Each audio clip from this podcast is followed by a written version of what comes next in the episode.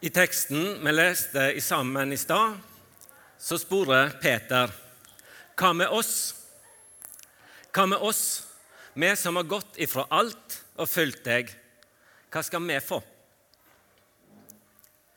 Bakteppet for det avsnittet det er Jesus sitt møte med en ung mann. En mann som kom og sporer Jesus. 'Mester, hva godt skal jeg gjøre så jeg kan få evig liv?' Jesus sa bl.a. til han at skulle, han skulle holde buda. Og Denne mannen han hadde levd et samvittighetsfullt liv, og han hadde egentlig veldig mye på stell. Så han mente at alt dette her, det har jeg holdt. Jesus sier da til han, Vis meg dette her ved at du går vekk og selger det du eier, og gir det til de fattige. Da skal du få en skatt i himmelen. Kom så og følg meg. Men da gikk denne mannen sorgtung vekk, for han hadde mye. Og Så sier Jesus at det er lettere for en kamel å gå gjennom et nålauge enn for en rik mann å komme inn i Guds rike. Og Så lurer da disiplene på hvem kan bli frelst. Og så er det umulig for mennesket, sier Jesus. Men for Gud er alt mulig. Det er mulig for mennesket å bli frelst. Det er mulig for folk på Oppsal å bli frelst. Det er mulig for alle mennesker i hele verden å bli frelst. Men da må noen fortelle dem om Jesus. I dag er det vingårdssøndag. Det er ikke fordi at Kirka er så veldig opptatt av vin, men fordi at fokuset denne søndagen er arbeidet i Guds rike. Og Hvis vi leser videre etter det avsnittet vi hørte som dagens tekst, så får vi høre Jesus fortelle ligningen om arbeiderne i vingarden, der det nettopp handler om kallet til tjeneste i Guds rike. Og Jeg tror at dette kallet til tjeneste i Guds rike ikke gjelder bare noen få utvalgte, de tolv disiplene som fikk høre Jesus kalle dem. Nei, jeg tror at når Jesus snakker til disiplene i bergpreika og sier at, at de skal være lys og salt, så gjelder det òg oss, vi som følger Jesus i 2022. I sommer så var vitne tema på generalforsamlingen vår. Der ble det vedtatt en ny strategi for Misjonssambandet og for Misjonssambandet Ung med temaet 'Dere er mine vitner'. Det gjelder ikke bare misjonærene. Det gjelder ikke bare oss som jobber på hovedkontoret, eller de som er lønna i misjonsarbeidet i Norge, eller i ei eh, kirke, en menighet eller en kristen organisasjon. Nei, det gjelder oss alle. Alle kristne så har vi ansvaret og kallet. Disiplene fikk beskjed de skulle være vitner i Jerusalem, Judea, Samaria og helt til enden av verden. Og så er den tjenesten veldig forskjellig for oss, og så kan det være veldig forskjellig fra tid til tid i våre liv òg. Men det som er sikkert, det er at frelsa, den er ei gave. Det er ikke noe som vi kan fortjene og gjøre oss eh, få som en belønning for lang og tru tjeneste eller kort og intensiv tjeneste. Nei, frelsa er ei gave som blir gitt oss ufortjent av nåde. Men så skal vi òg, vi som har fått frelsa som ei gave, vi skal òg få være med og fortelle om Jesus til andre. Og Helt ifra jeg var liten, så har jeg hatt ønske om å få være med i misjonsarbeidet. Jeg vokste opp på Fitjar på Stord, og derifra så var det to Etiopia-misjonærer. Det var Berit Lende, som hadde vokst opp i nabohuset der jeg vokste opp, og så var det Brita Skumsnes. En gang så, så jeg òg en film fra Japan om Tormod og Ruth i Japan. To misjonærbarn i Japan som viste litt fram av hva KB og Japan hadde å by på. Jeg var kanskje en sånn liten misjonsnerd når jeg var liten, så jeg plødde alle bøkene til P.A. Bredvei der han fortalte om eh, arbeidet i, Japan, nei, i, Kina. Og om Laosan og lærer Globus, bl.a., eh, som han delte om derifra. Så gikk jeg på Kvitsund, der jeg fikk møte misjonskallet på en, en litt annen måte. Jeg fikk møte Misjonssambandet på en annen måte enn det jeg kjente fra Fitja og fra Solgry, der jeg hadde vært på leir. Ehm, jeg fikk òg møte misjonærer som var lærere på, Fjelløy, nei, på Kvitsund. Og kallet til å være med i misjonen da helt fram, så jeg valgte å gå på bibelskolen på Fjellhaug med tanke på å sondere ut kunne det være aktuelt å gå på misjonsskolen etterpå. Så det var litt sånn et prøveprosjekt med å flytte til Oslo for å gå på bibelskolen. Og så følte jeg meg ikke åndelig nok til å gå på bibellinja, så jeg gikk studentlinja. Og så gikk det ene tok det andre. Eh, og jeg, eh, det ble til at vi reiste ut. Og fikk to perioder i Indonesia. Og nå bor jeg i Trondheim. Og i seks og et halvt år nå så har jeg pendla til hovedkontoret på Sinsen og har jobben som regionleder med Indonesia og òg Japan og Stor-Kina. Og Jeg har hatt Misjonssambandet som min arbeidsgiver i hele mitt yrkesaktive liv, praktisk talt. Da jeg kom til Oslo, og her i Misjonssalen og på Fjellhaug, så fikk jeg møte Asbjørn Aavik. Han bodde i det som jeg kalte for aldersboligen på Fjellhaug, det som nå heter Boligblokka. Og Han var ofte å se her i salen. Han var gammel når jeg kom til Oslo, da var han nesten 90 år. Og Han var ute og gikk, og han var lett å legge merke til, selv om han ikke var så veldig stor. Han reiste til Kina i 1928. Fire år senere så gifta han seg med Ragna. Den tida var det ganske krevende å være i Kina. Det var røvere og sånn som drev og herja. Og de måtte reise tilbake igjen til Norge i 1935. Men i 1938 så prøvde han seg på å reise tilbake igjen til Kina. Alene, uten familien. Og da hadde de flere bånd. Tilbake til det samme misjonsfeltet i Kina.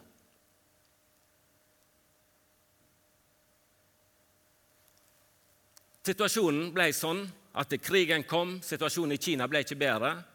Og Aavik ble værende i Kina i åtte år uten familien sin, fram til han reiste tilbake igjen til Norge i 1946.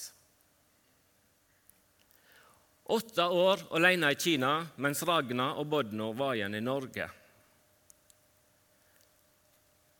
Under krigen vanskelig tid. Han hadde et kall, og familien hadde et kall. Men kallet innebar både offer og smerte. På Kvitsund og på Fjellhaug så fikk jeg òg møte misjonærbarn som hadde vært sendt på internat, langt fra foreldre som var misjonærer i forskjellige deler av verden. Noen av de jeg møtte, hadde opplevd det veldig greit, syntes det var kjekt å være på internat. Men for andre så hadde det vært vanskelig. De opplevde at de ble ofra på kallet sitt alter. Ikke noe god opplevelse av kall og misjon, og de kjente at de ble en del av offeret. Til Misjonssambandet sitt 100-årsjubileum så skrev Sigvald Tveit og Haldis Reigstad misjonskantaten 'Det brenn en eld'. Kanskje er det sangen 'Åkrane kvitna mot hausten' som har stått seg best av de sangene som ble laga til den gangen. Men når jeg hørte kantaten, så var det en annen sang som talte mest til meg i den situasjonen jeg var da. Og Det var den emissærvisa der Ingunn Ringvold og Arne Aano har en dialog om emissærrollen og hvordan det er at pappa er så mye borte, der hun synger Kjære pappa, hvorfor må du alltid reise? Det er tungt og trist når ikke du er her. Jenta syntes at det var vanskelig å ha en omreisende emissær som var sjelden hjemme. Og Lønna var heller ikke all verden, sånn at det var mye av det som vennene fikk, som ikke hun kunne få, for at eh, de ikke hadde penger til det. Og Det var uforståelig når den rikeste av alle er vår far. Jeg var i etableringsfasen i mitt liv på den tid. Jeg var glad i Frøydis. Vi tenkte på å stifte familie, reise ut som misjonærer. Og kanskje skulle vi òg få Bodden, som skulle være med. Og Da fikk vi jo tre stykk etter hvert. Og det var mange kall som skulle gå i hop. Jeg var kalt til å være Guds barn av nåde. Og Samtidig så følte jeg òg at jeg hadde et kall der jeg yngste å fortjene Han. Så holdt jeg på å etablere meg som ektemann med det kallet som det innebar overfor Frøydis, og òg eventuelt å være far til de bodna som vi skulle få. Så ble det utreise på oss, og i det store og hele så har det vært fint. Vi slapp i vår tjeneste å sende bodna våre på internat. Og Det virker som at de har gode minner fra Indonesia og ser stort på det å ha vokst opp der. Selv om det var langt ifra familie, ifra besteforeldre, og vi opplevde det å være relativt alene som norske og langt ifra venner. En stund så bodde vi på en plass vi bodde der to og et halvt år, der det tok ca. to timer å kjøre hvis vi skulle ta en telefon hjem. Broren min, ene broren min Jeg har så mange at det er på en måte ikke så nøye. Men ene broren min gifta seg iallfall mens vi var vekke. Og det var, det var en litt trist dag den dagen de gifta seg, og vi ikke fikk være i bryllupet. Så har jeg mange andre som har gifta seg andre ganger, så det har jo våget opp litt. Men, men det var sårt likevel den dagen. Ikke noe stor ting, kanskje. Ikke noe stor greie men det opplevdes veldig ugreit der og da. Nå I juni ble den store misjonskonferansen for ungdom Descend arrangert på Fornebu. Og Det var ganske mye diskusjon rundt den, og rundt tematikken All in. Den diskusjonen og den oppfordringen er ikke noe som Descend har funnet på. Det er ikke noe nytt. Jesu kall er å kalle oss til å gå all in, til å følge Han sjøl om det koster. Den rike unge mannen han var ikke klar for å gå all in. Han klarte ikke å gi slipp på det han hadde, og gikk sturen vekk. Disiplene forlot det de hadde, og de fulgte Jesus.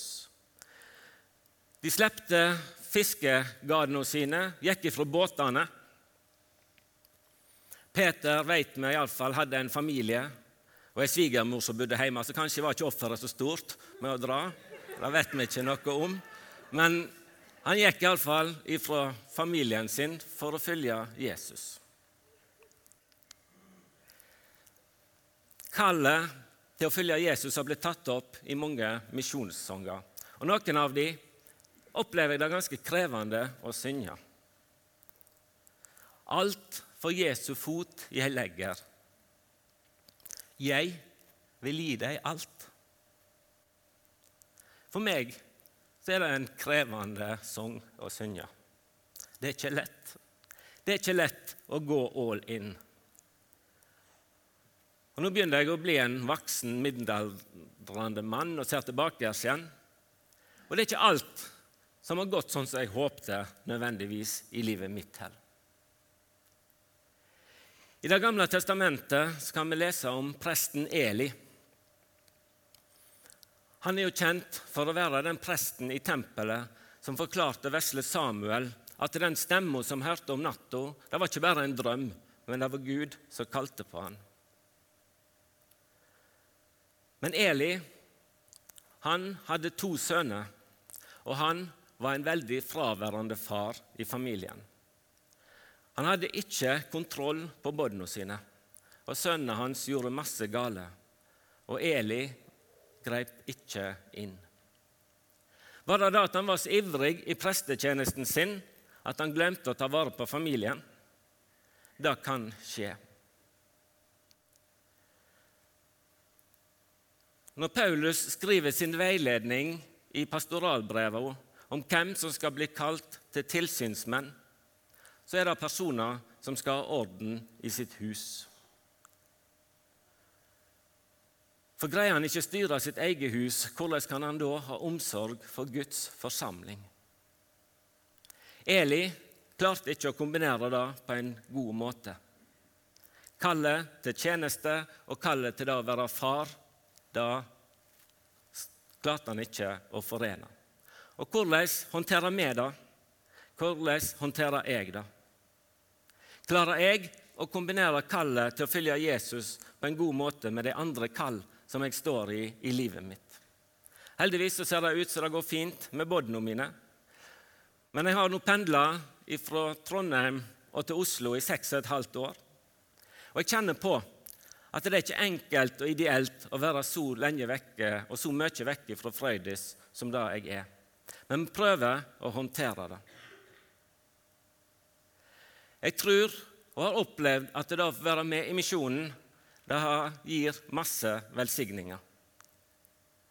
Men jeg vet òg at det er mange som opplever at det koster å følge Jesus.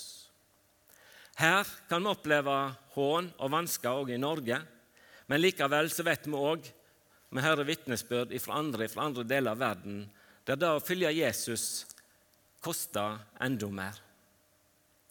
Jeg har en oppleving fra her i misjonssalen som har hjulpet meg litt til å kjenne på den utrygg, eller til å forstå litt av den utrygghet som andre mennesker i andre deler av verden kan eh, ha. For det året som jeg gikk på bibelskolen, så var det et Ja til livet-arrangement her i salen. Abortloven var det strid om den gangen òg. Og midt under Ja til liv-arrangementet så blir misjonssalen storma av demonstranter fra Blitz-miljøet. De kaster smørsyre inn, og stanken blir uutholdelig. Og vi som var inne, vi måtte gå ut. Politiet kom, folk ble tatt hånd om. Men misjonssalen ble stengt. Lukta satt sånn i at det måtte totalrenoveres. Hele bygget her var stengt, hvis jeg ikke husker feil, rundt et halvt år. I misjonssalens historie så er det en engangsopplevelse, tror jeg. Men andre plasser i verden så lever de med den utryggheten som en daglig utfordring. De kjenner på utryggheten. Er det noen som kommer når vi samles som kristent fellesskap? Vi får høre fra utsendinger som vi har rundt om i verden, om mennesker som går inn og ut av fengsel fordi de ønsker å følge Jesus.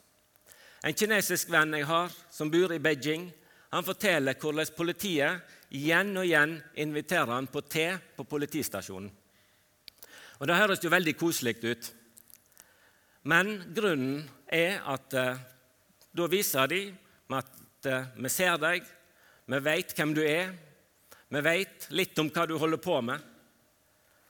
Og du bør ikke finne på altfor mye, for da blir det ikke bare te. Da kan det bli et lengre besøk her hos oss. Senere skal vi se en film fra Sentral-Asia, som er månedens misjonsfelt i Misjonssambandet. Et område av verden der det er mange som betaler en høy pris for å følge Jesus.